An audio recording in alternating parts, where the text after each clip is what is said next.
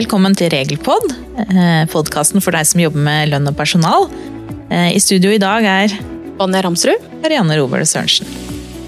I dag så har vi tatt med oss temaer som ofte er aktuelle når det begynner å nærme seg slutten at man, av året. At man skal avslutte 2019 på en god måte før man overfører til 2020.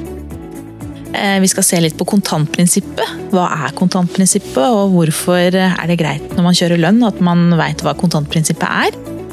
Vi skal snakke litt om sykt barn-dager. Men først, Vanja, da har du tatt med deg et veldig spennende tema. Veldig praktisk tema. Du skal si litt om, sånn jeg har skjønt det, da, litt om hva bør arbeidsgiver tenke på hvis man enten har avtaler eller vurderer å innføre avtaler om fleksibel arbeidstid. Og så har du jo litt erfaring da, med de utfordringene som oppstår hvis man har den type avtaler på eh, arbeidsplassen. Hvor det er både eh, avspasering som skal tas, og feriedager som skal tas. Mm. Ja, jeg kan jo begynne med å si litt om hva en avtale om fleksibel arbeidstid egentlig innebærer. Det er jo en ordning som gjerne gir arbeidstaker en mulighet selv å avgjøre når på dagen arbeidstiden skal legges. Da innenfor selvfølgelig visse rammer som da avtalen har fastlagt, forhåpentligvis. Og så er det jo sånn at det kan opparbeides plusstid, som gir muligheter for å avtale avspasering i andre perioder. Det er vel egentlig det som kjennetegner eh, disse avtalene her. Det er jo sånn at eh, For å holde en viss kontroll, så er det visse ting en sånn type fleksitidsavtale bør inneholde regler om. Og Da tenker jeg kanskje spesielt på dette her med kjernetid. Altså det som sier noe om når alle må være til stede på arbeidsplassen, selv også innenfor en fleksitidsavtale. Eh, den bør helt klart inneholde regler om ytre rammer for ordningen, altså det som angir tidspunktet for når arbeidstakeren kan velge å starte, og når vedkommende skal avslutte arbeidsdagen.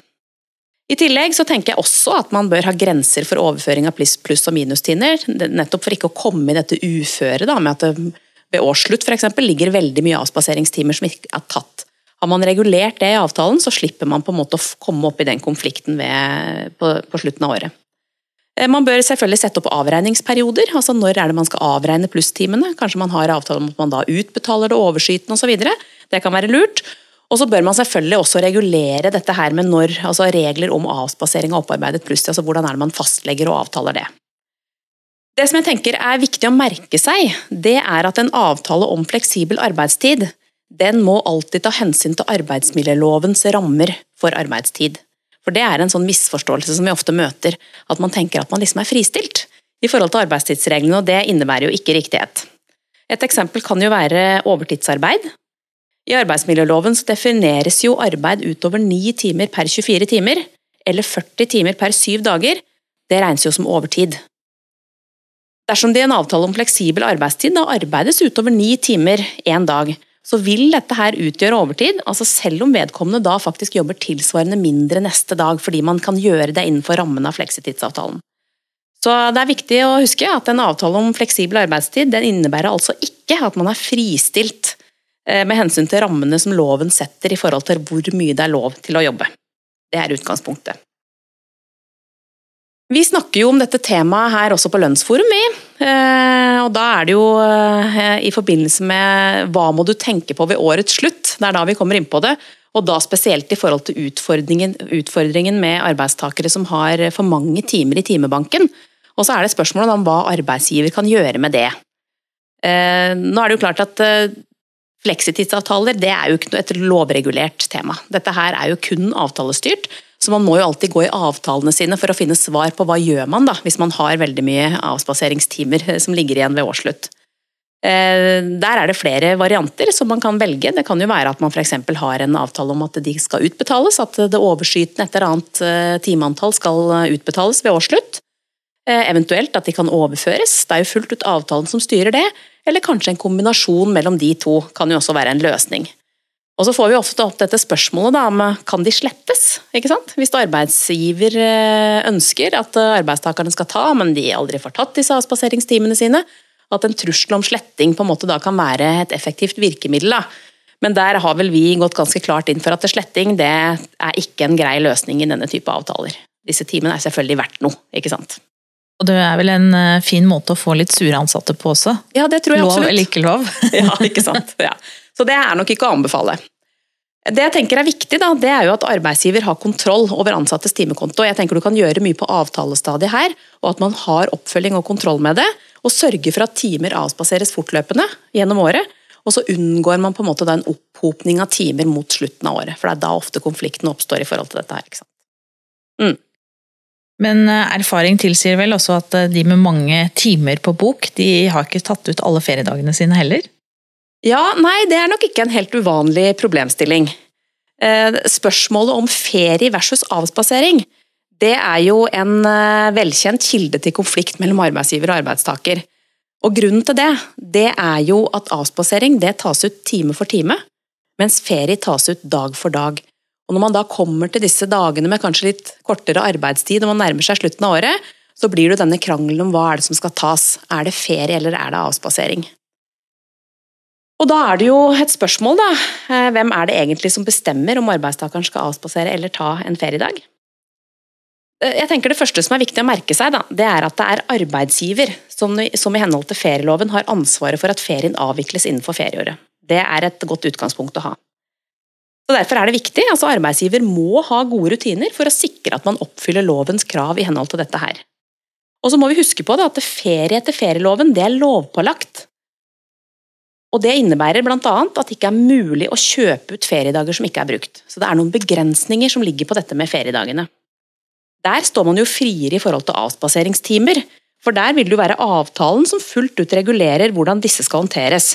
F.eks. at deler av timebanken eh, ved avregningsperioden, f.eks. da årsskiftet, skal betales ut for å holde saldoen under en viss størrelse. Der har man jo mulighet for det fullt ut.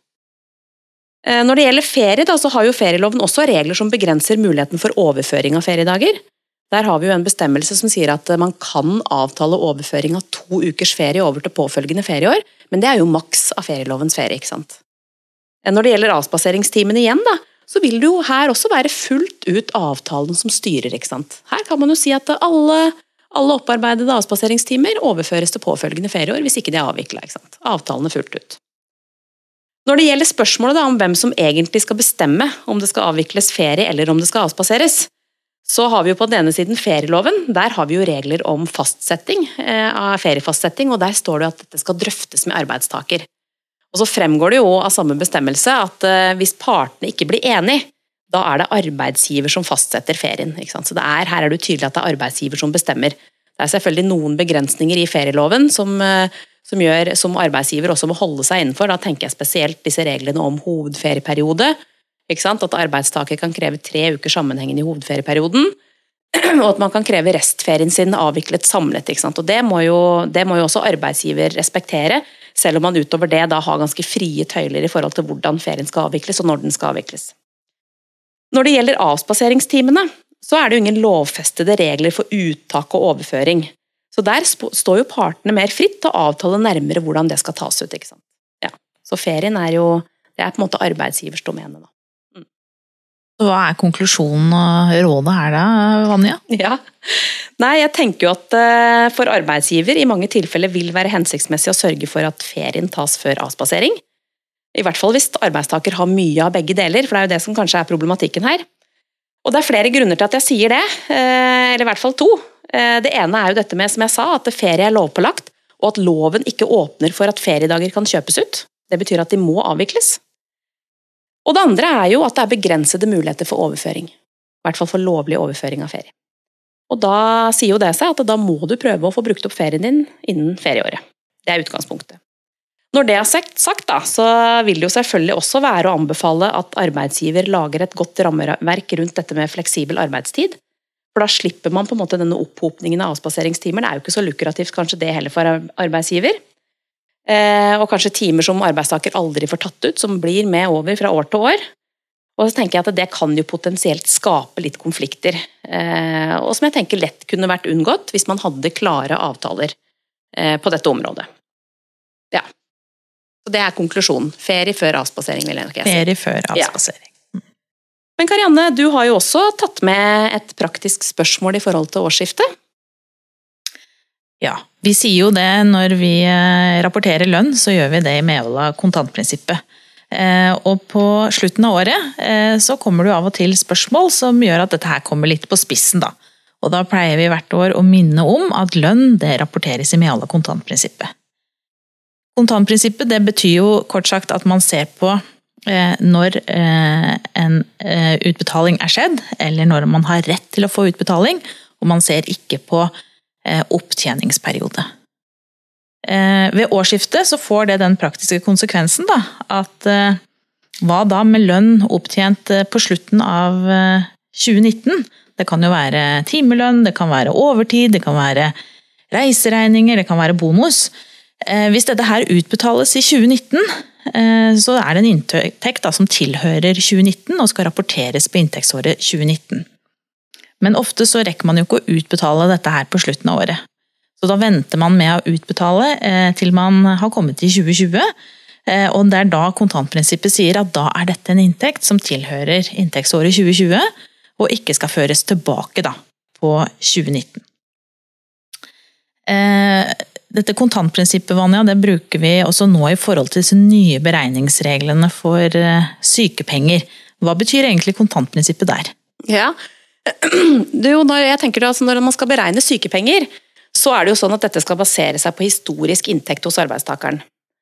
Eh, hovedregelen for beregning av sykepenger, da, den nye regelen, den sier jo at sykepengene skal beregnes etter den gjennomsnittlige arbeidsinntekten som arbeidstakeren har hatt i arbeidsforholdet i de siste tre månedene før han eller hun ble arbeidsufør. Det er jo dette her vi kaller beregningsperioden for sykepenger.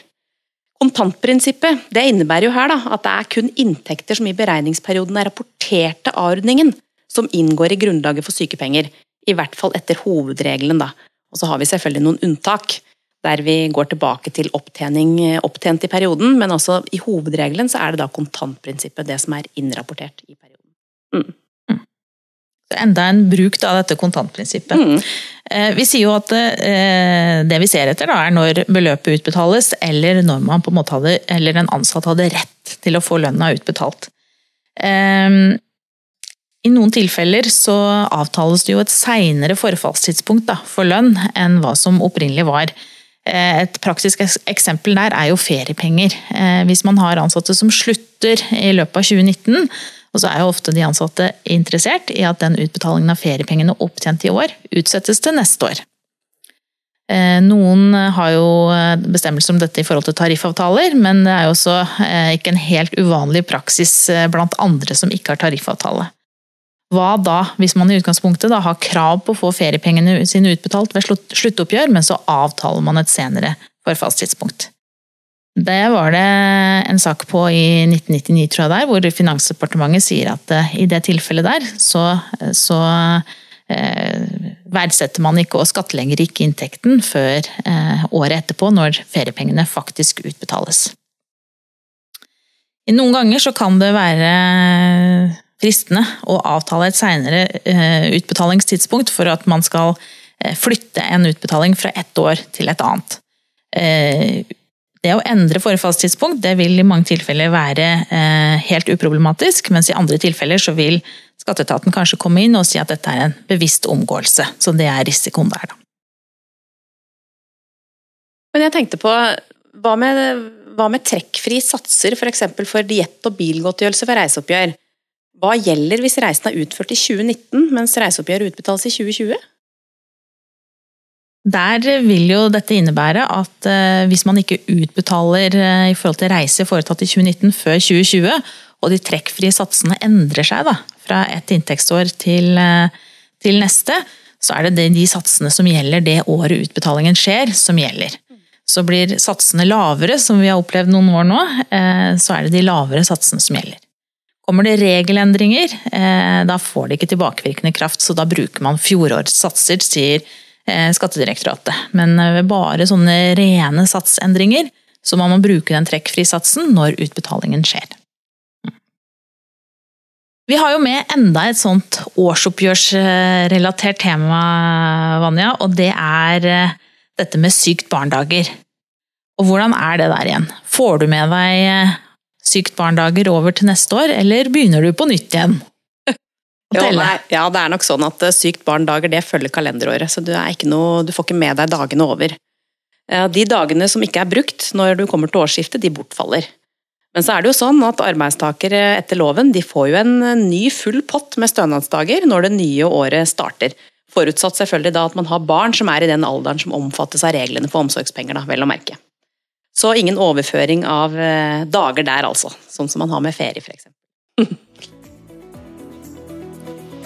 ja. Vi må jo minne om da, at vi har dette kurset som heter Lønnsforum, som vi er på veien med nå, og helt fram til eh, slutten av desember. Der går vi jo gjennom disse temaene og flere andre årsoppgjørsrelaterte temaer. Der tar vi nyheter, og der tar vi litt sånn eh, temaer basert på ofte stilte spørsmål. Så det er bare å møte opp eller eh, å se på eh, versjoner på nett. Ja, Vi skal jo være på veien lenge enda, vi. Vi er på veien lenge. Ja. Da gjenstår det vel bare å si takk for i dag. Takk for i dag. Takk for i dag.